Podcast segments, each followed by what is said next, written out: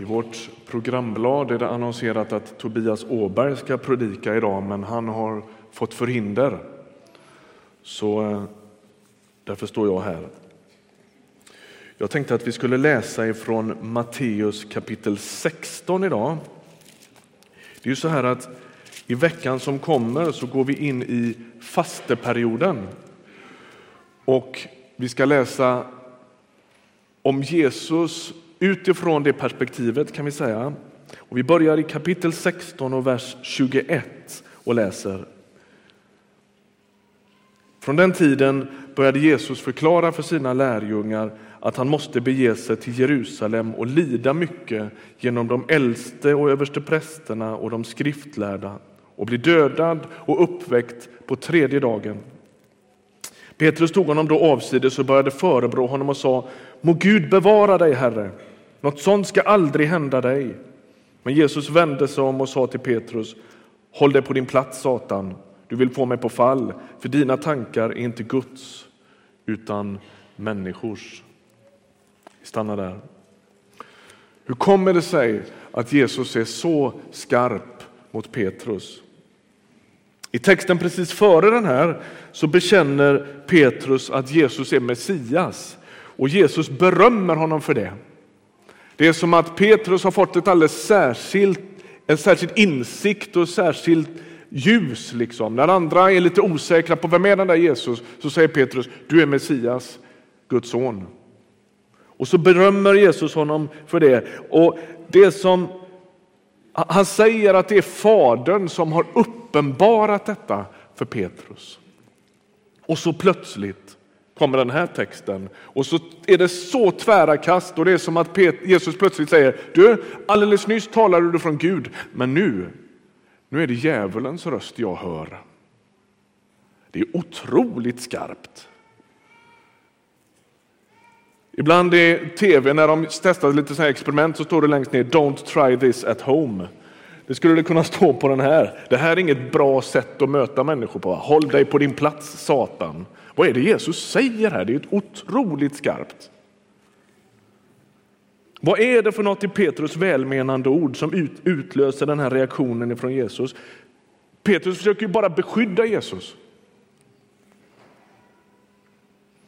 Det är som om Petrus, när han säger det här, alltså det här är, Jesus försöker förklara för lärjungarna vad det är som är Jesu väg, nämligen en väg som har med försakelse att göra, som har med tjänande att göra, som har med utgivande att göra och som slutligen faktiskt har med död och förödelse och sen uppståndelse att göra.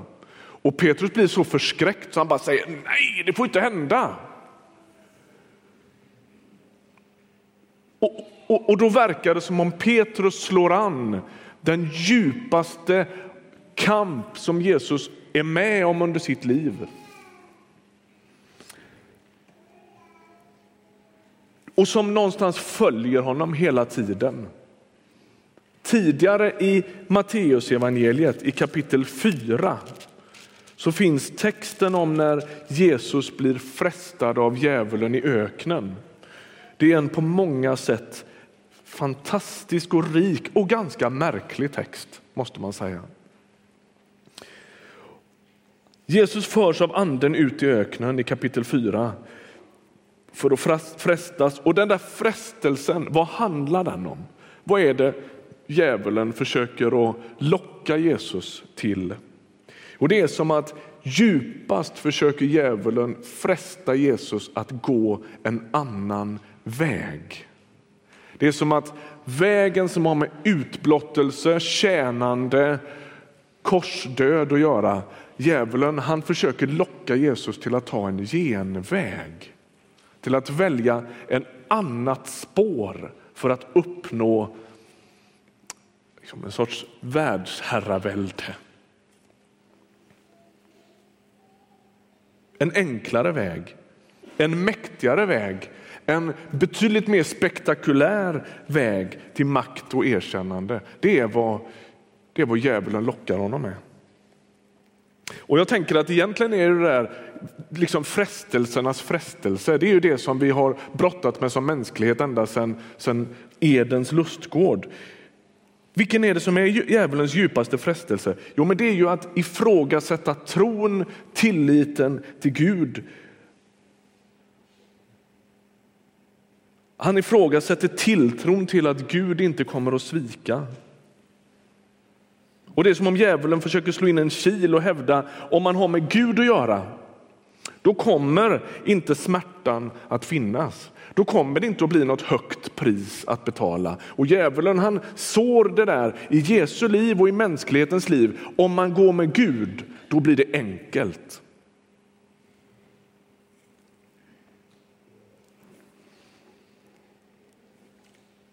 Underförstått, om det inte är enkelt, då är det fel på din tro. Då är det fel på din Gud. Då är det fel på din efterföljelse. Det var ju tänkt att Gud skulle bevara dig. Och det här, i den korselden lever Jesus när han, när han är med om frestelsen i öknen. Och det är det som ekar i den här texten vi läste för en stund sedan i mötet med Petrus. Men Gud ska väl bevara dig från det? Är det inte så? Petrus är ju förnuftig. Det är klart att han önskar rädda Jesus ifrån smärtan. Det här är ett uttryck för en sorts liksom, broderlig omsorg. Han tycker om Jesus, det är klart att han vill att det ska gå väl.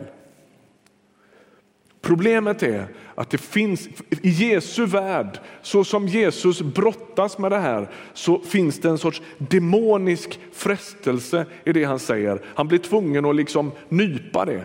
Så, nej, nej, nej, nej, prata inte så. Det där är den gamla ormens liksom, lögn in i mitt liv. Välj en annan väg.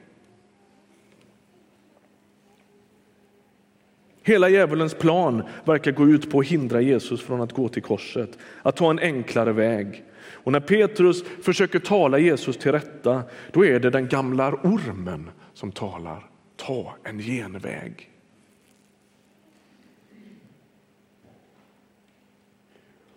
Jag anar att det här är liksom det omkväde eller den refräng som ringer i hela Jesu liv. Kan detta verkligen vara min väg? Kan Gud verkligen mena att jag ska? Och han sliter med det där.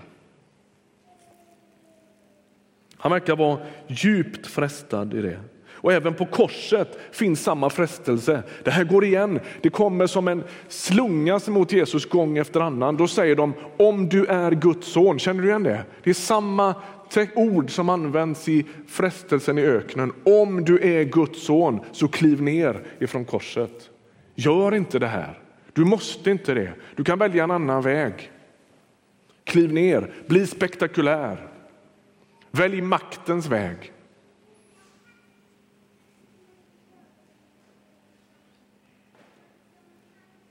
Vad lär vi oss av det här? När vi prövas i livet, för det gör vi ju allihopa, så frestas vi till förenklingar, till rationaliseringar och till genvägar. Så tror jag det är för alla människor. Så är det för mig. Och så börjar tanken gro. Är det, är, det, är det meningen att det ska kosta på så här mycket? Efterföljelse, skulle inte det vara något lätt? Att gå trons väg, skulle inte det kännas bra? Inte kan väl Gud mena att det skulle kosta på så här? Om du är Guds son. Och så kommer djävulens gamla klassiska frestelse och så viskar han i ditt öra om du är Guds barn. Ska det inte vara enklare då?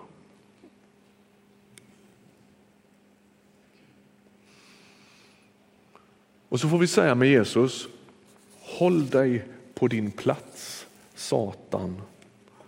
Och man kan tycka, är inte det där väldigt polariserat? Liksom? Funkar livet på det sättet? Är det svart och vitt och gott och ont och Gud och djävul? Går det till på det sättet? Kanske ibland. I vår psykologiserade, rationella värld finns det ju något ganska välgörande i en sån här text, tänker jag. Jag vet inte, du kanske blir skrämd av den. Men jag tänker att det finns något välgörande i den, som om dess budskap ytterst är att vi skulle behöva få hjälp med att se saker för vad de är. När Jesus möter Petrus där, eller Petrus liksom konfronterar Jesus med det. Du kan inte mena att du ska gå till ett kors. Så ser Jesus det för vad det är. Det är i Petrus värld ett uttryck för välmening. I Jesu själ blir det ytterligare ett slag på den där spiken. Om du är Guds son.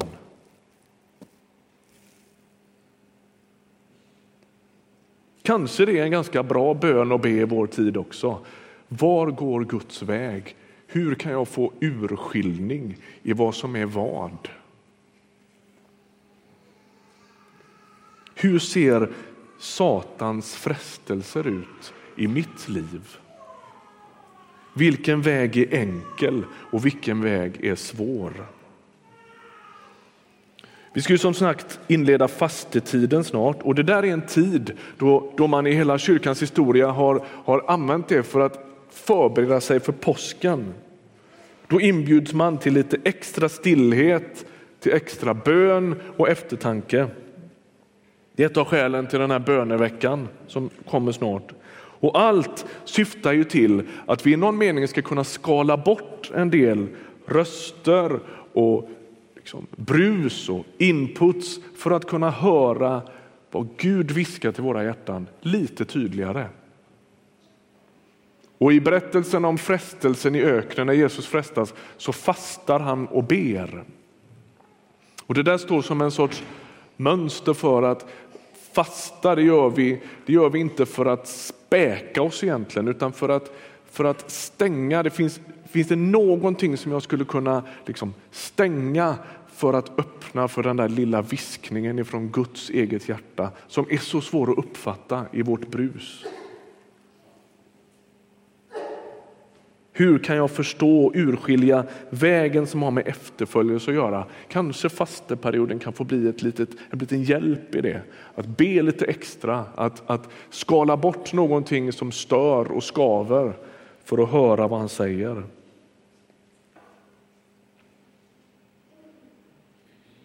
Var går den snarlika vägen som har med efterföljelse att göra men som är så skild ifrån ormens frestelse? Hur får jag urskiljning i det? Det finns en professor och religionspsykolog som heter Ove Wikström som har skrivit en rad fantastiskt läsvärda böcker. Han säger om våran tid detta är gudsnjutningens tid mer än gudsfruktans. Man älskar frukterna mer än trädet, gåvorna mer än givaren, tryggheten mer än efterföljelsen.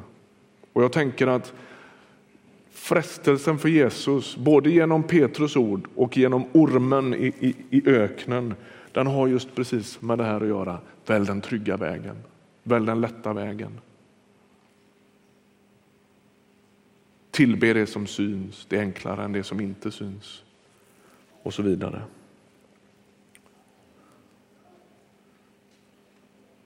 Och säger det här till oss avslutningsvis. Kanske man skulle behöva rannsaka sig och grunna över, söker vi en nyttig Gud? En Gud som vi har glädje av och nytta av och som stämmer med våra tankar och övertygelser?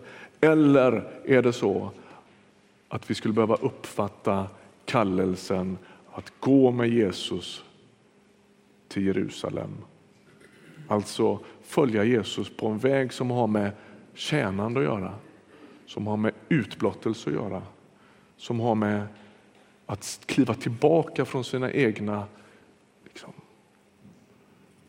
drivkrafter och ja, men du vet, allt det där av att bygga sig själv ett namn.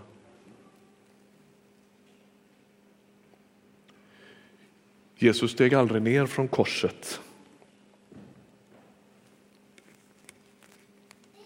Han motstod den frestelsen. Och så säger han så här, alla som vill följa mig, säger han, må ta sitt kors på och göra det. Varje dag säger Jesus, din väg, inte min väg. Din bakvända väg istället för den enkla självklara.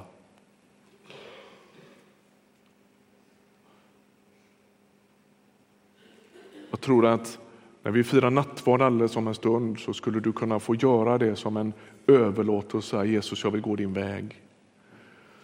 Ibland har vi fått för oss i den kristna kyrkan att Jesus går korsets väg så att vi ska slippa göra det.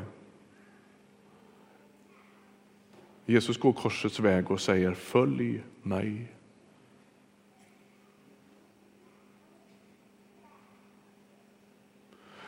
När vi så småningom har våra bönestationer och våra nattvardsfirande så finns det på några ställen utplacerat här i kyrkan bord med korgar och lappar. Därpå står det så här, jag avstår ifrån, och så finns det några rader där man kan skriva det. Vad är det för någonting som du skulle vilja avstå från under den här fastetiden? Det skulle kunna ha med mat att göra, det skulle kunna ha med något annat att göra. Och det, framförallt tänker jag att det inte ska vara något väldigt stort och svulstigt utan kanske någonting bara mellan dig och Gud. Det här avstår jag ifrån som en sorts tecken på att nu vill jag lyssna lite särskilt. Och så kan man riva av den här och ha en liten påminnelselapp till sig själv som ni kan stoppa i Bibeln eller i fickan. Och så lägger du den andra i korgen där. Man skriver inga namn på den. Ska vi sätta upp det så småningom som ett sorts collage? Ska vi påminna varandra om den där fastetiden som vi är inne i? Välkommen att göra det sen när det blir dags för våra bönestationer. Ska vi be en bön? Herre, vi tackar dig för att vi får följa dig du som är den bakvände. Istället för maktspråk och näven i bordet så väljer du en bakvänd väg. Du går tjänande som en ödmjukhetens konung. Tömmer ut dig själv, dör på ett kors och visar vem Gud är genom att utblotta dig själv.